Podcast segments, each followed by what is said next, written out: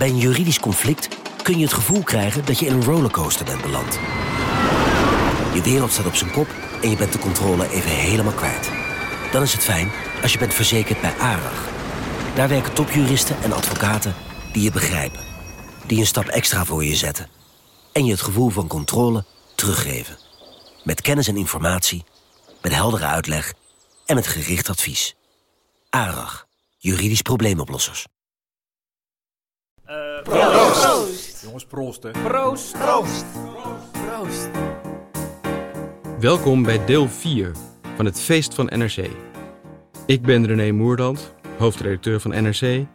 We bestaan 50 jaar en omdat we dat in deze tijd van afstand houden toch willen vieren, luistert u nu naar Proost, de podcast. Met speech, sterke verhalen, wijsheid, liefdesbetuigingen en natuurlijk ook de nodige borrelpraat.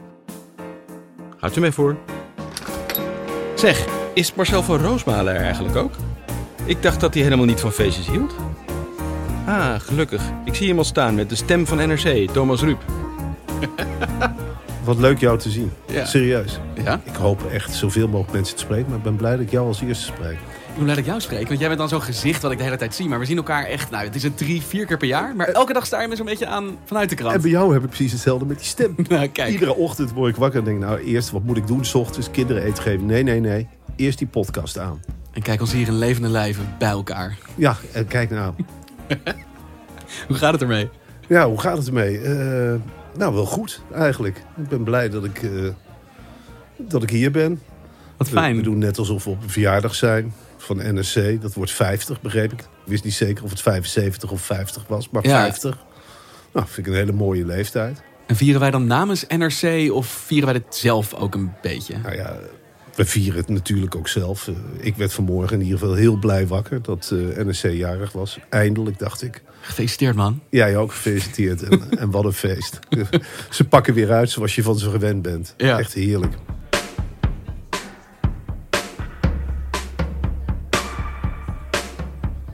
Snap je het vieren van verjaardagen van zo'n verjaring überhaupt? Is dat een goed idee? Nou, op deze manier vind ik het wel eh, eh, apart. Ja, het is natuurlijk een beetje een... eh, ik vind deze podcast best irreëel om te maken. Dat je eh, ja, verjaardagsfeest nadoen en zo. Dus je zou kunnen kiezen om het feest een jaar later te vieren. Daar ben ik dan meer van. Ik heb mijn eigen bruiloft ook uitgesteld om deze reden. Oh ja. Omdat ik denk van ja, het blijft een beetje afstandelijk. Maar misschien is dat ook wel goed. Het blijft wel een krant, hè? Mhm. En dan moet je 51 jaar vieren. En we houden natuurlijk bij een krant heel erg van de afgeronde getallen. Ja. Waarom is dat eigenlijk? Ik denk omdat we altijd op zoek zijn naar aanleidingen. En het gewoon zo heerlijk is als het zo rond klinkt. Dat je dan voelt het meteen logisch. Ja, en het gaat heel goed hè, met deze krant. De Belgen zijn super tevreden, begrijp ik altijd. ongelooflijk goed. Ze nemen ook de ene krant naar de andere over. Nee, maar het gaat echt volgens mij wel goed. Op een bepaalde manier is corona niet eens... Ja. Het is een zegen.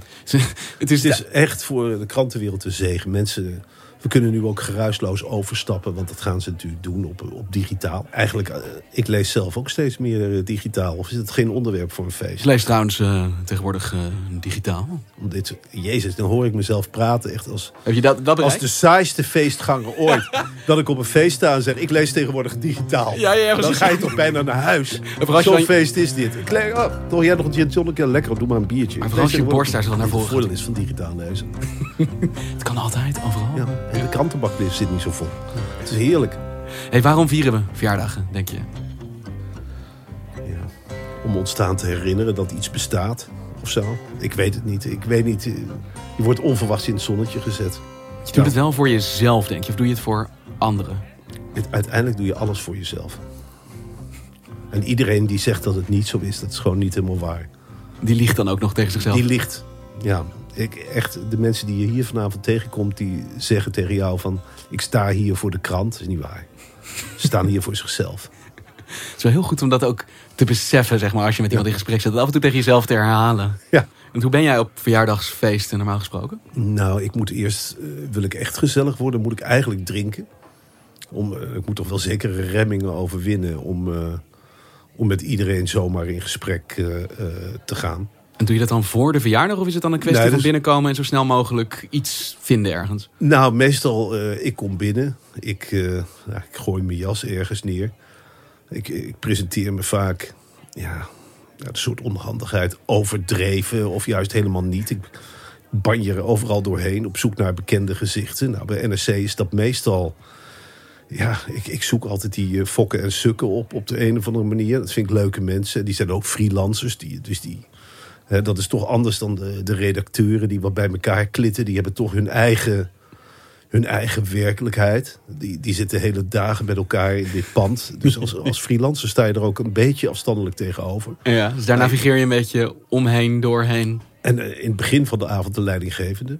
En dan eh, denk ik, nou, dan ben ik in ieder geval niet ladder zat als ik, eh, eh, eh, als ik ze halverwege ontmoet of zo. Is het echt zo? Dat wil je alvast uit de weg hebben, terwijl wil je de boel nog onder nou, controle hebt? Ik vind ze ook wel aardig soms.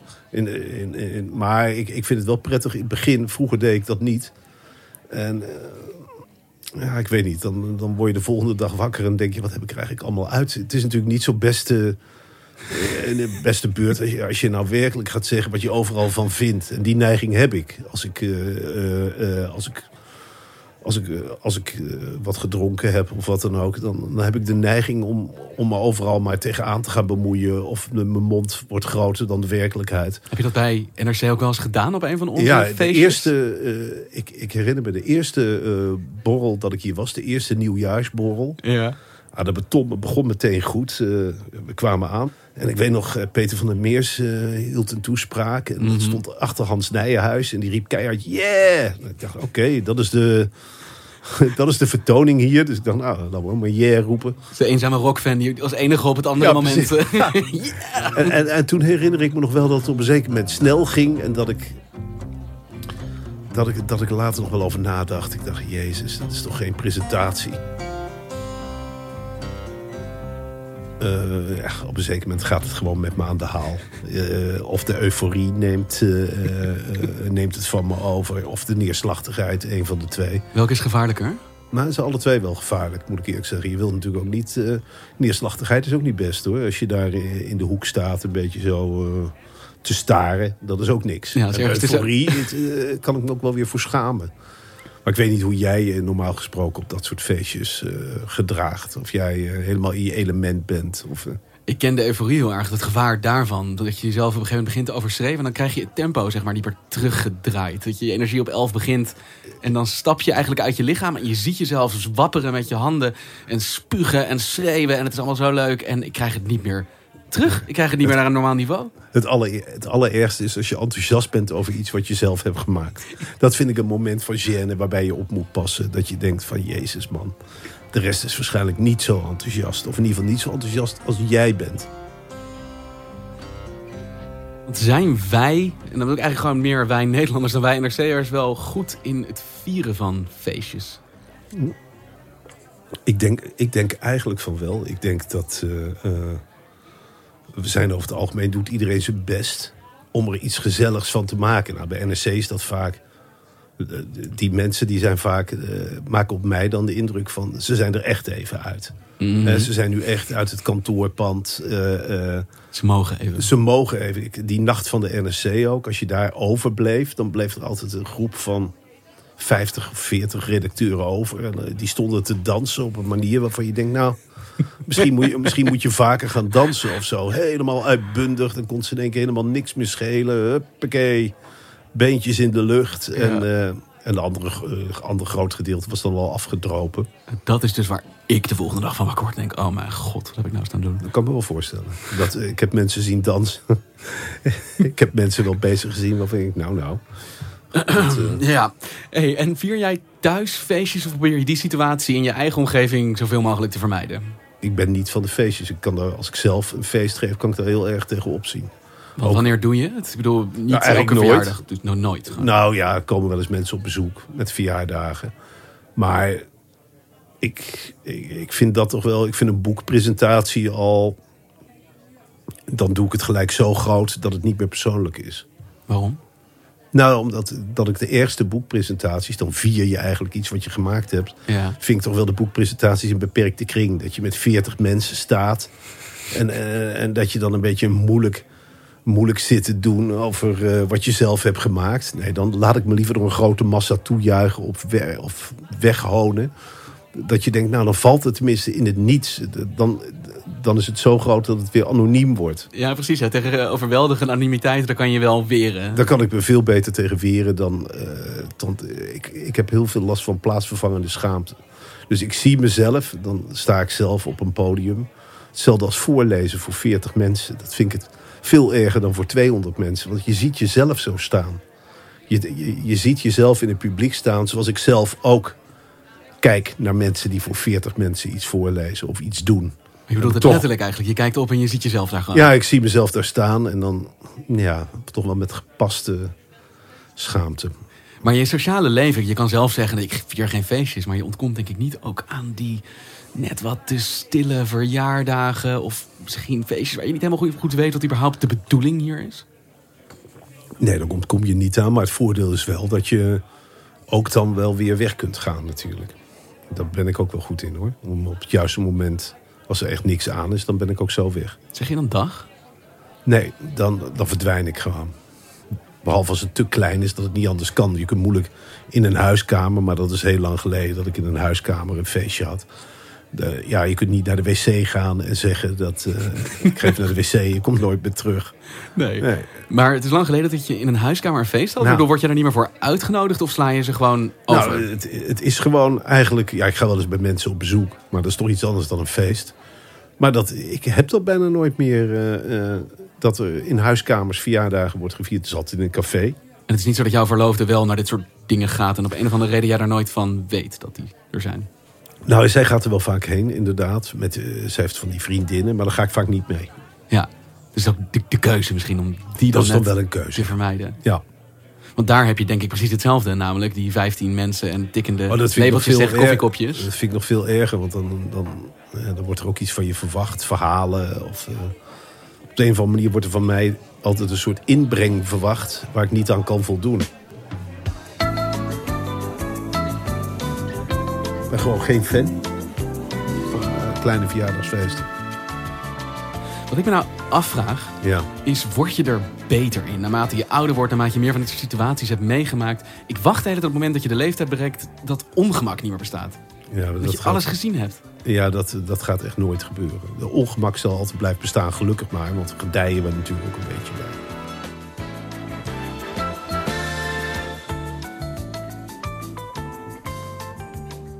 Ja, ik, wat ik wel fascinerend vind is ook de openingszinnen die tegen jou worden eh, gezegd. De meeste zinnen, wa- wat doe je allemaal? Oh, dat is ook zo. Met die allemaal ook val daarbij. Ja, we allemaal. eh, ja, weet ik veel. En eh, hoe bevalt het in het dorp? Dat is een vaak gebruikte zin. Wat Ja. vind je van de krant? Oh, ja. Dat vind ik Als eerste vraag ook. Dat is ook wel een beetje... Ja, mensen weten soms niet. Ik herinner me de laatste keer stond ik bij de pisbakken. Ik kwam een man op me af, een wat oudere man. Ik weet niet wie het is. Een hele interessante sociale situatie. Hè, wat je dan doet. Dus dan, dan voel je al ongemakkelijk. Hij zegt, wat vind je van de krant? Ja. Midstream, Jezus, zeg maar. Wat vind, je van de, wat vind je van de krant? Dus ik, ik zei dik of eh, dun. Weet ik veel wat ik van de krant vind. Ik denk, god, in ieder geval goed. En eh, heb je het nog naar je zin? Dat vind ik altijd bedreigend. Vind je het nog wel leuk? Ja, eh, dan denk ik al meteen, ja, ik moet in de overdrijf. En natuurlijk vind ik het nog leuk, want ik, ik wil niet eh, kwijtraken wat ik heb. Dus ik benadruk dan altijd, ja, ik vind het heel leuk. En daarna, als ik vier bier op heb, dan ga ik meteen door in, in die mal die in mijn hoofd zit. eh, Hoezo? Ja, straal, ik, straal ik niet uit dat ik het leuk vind dan? Ik vind alles leuk. Waarom straal ik altijd uit dat ik het niet leuk vind? Heel leuk. Dan blijf ik dan herhalen. Heel, heel leuk. Ja, je moet de anderen dan meteen overtuigen. Maar het is ook wel een bleek Calvinistische Ja. gespreksinsteker. Vind je het nog wel leuk? Maar jij zult dat toch ook wel hebben? Iedereen begint tegen jou natuurlijk over dat Laura H. Ja, zeker. Nou ja, ja dat, dat gebeurt ook wel eens, ja. Dat is toch ook een kruis. Bij mij beginnen ze ook altijd over Vitesse. Ja, Alsof ik iedere wedstrijd van Vitesse, alsof ik, eh, eh, ja, alsof ik alleen maar met Vitesse bezig ben. ja. Ja dat, dat is zo. Ik had hier ook een gesprek met een oud sportredacteur. Die kwam uit Wageningen. Ik ben even zijn naam kwijt. Ja. Twee keer bier voorgehaald. Ja. Het maar helemaal over FC Wageningen. En denk, ja, het, het zal. Het, eh, ik voel niet wat jij voelt. Maar prima om erover te praten natuurlijk.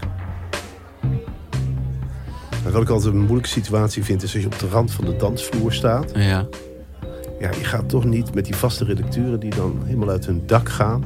Je gaat er ook niet helemaal tussen springen. Want sommigen gaan dan aan je trekken van... eh, kom, dans ook. Mhm. Ja, ik kan wel een paar voor me zien die dat zouden doen. Ja, dat vind ik wel een beetje vernederend. Mag één ding van je leren nog, waar ik altijd moeite mee heb, nog altijd al die jaren, is een gesprek dan afbreken. Ik bedoel, soms dan merk je allebei, je hebt je natuurlijke einde bereikt. Je ziet het in de ogen van de ander notabene. Je weet, je bent allebei aan het lijden. En ik, ik, ik durf het niet, het lukt me niet. Ja, nou ja, jij zoekt dan nog in de fatsoenlijke afronding. Ik, eh, ik, ja, ik, ik kijk dan om me heen en dan zie ik spontaan iemand anders.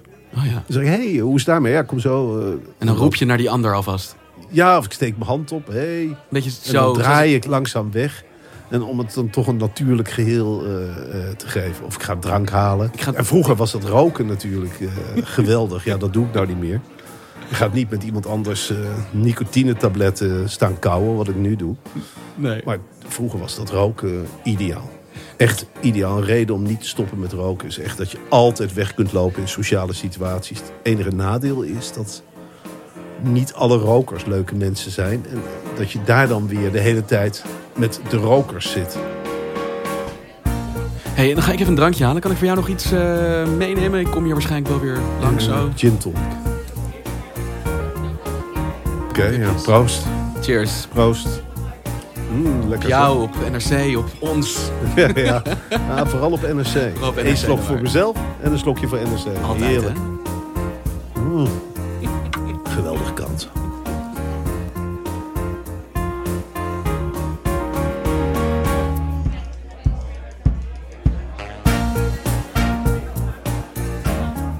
Ach, die Marcel. Ik vraag me af waarom hij überhaupt nog opkomt dagen op onze redactieborrels. Ik denk dat hij stiekem geniet van al dat ongemak. In de volgende aflevering is het woord aan Lotfi El Hamidi, de Rotterdammer die meer dan eens op feestjes de vraag krijgt hoe NRC in vredesnaam kon verhuizen naar Amsterdam. Tot de volgende Roost.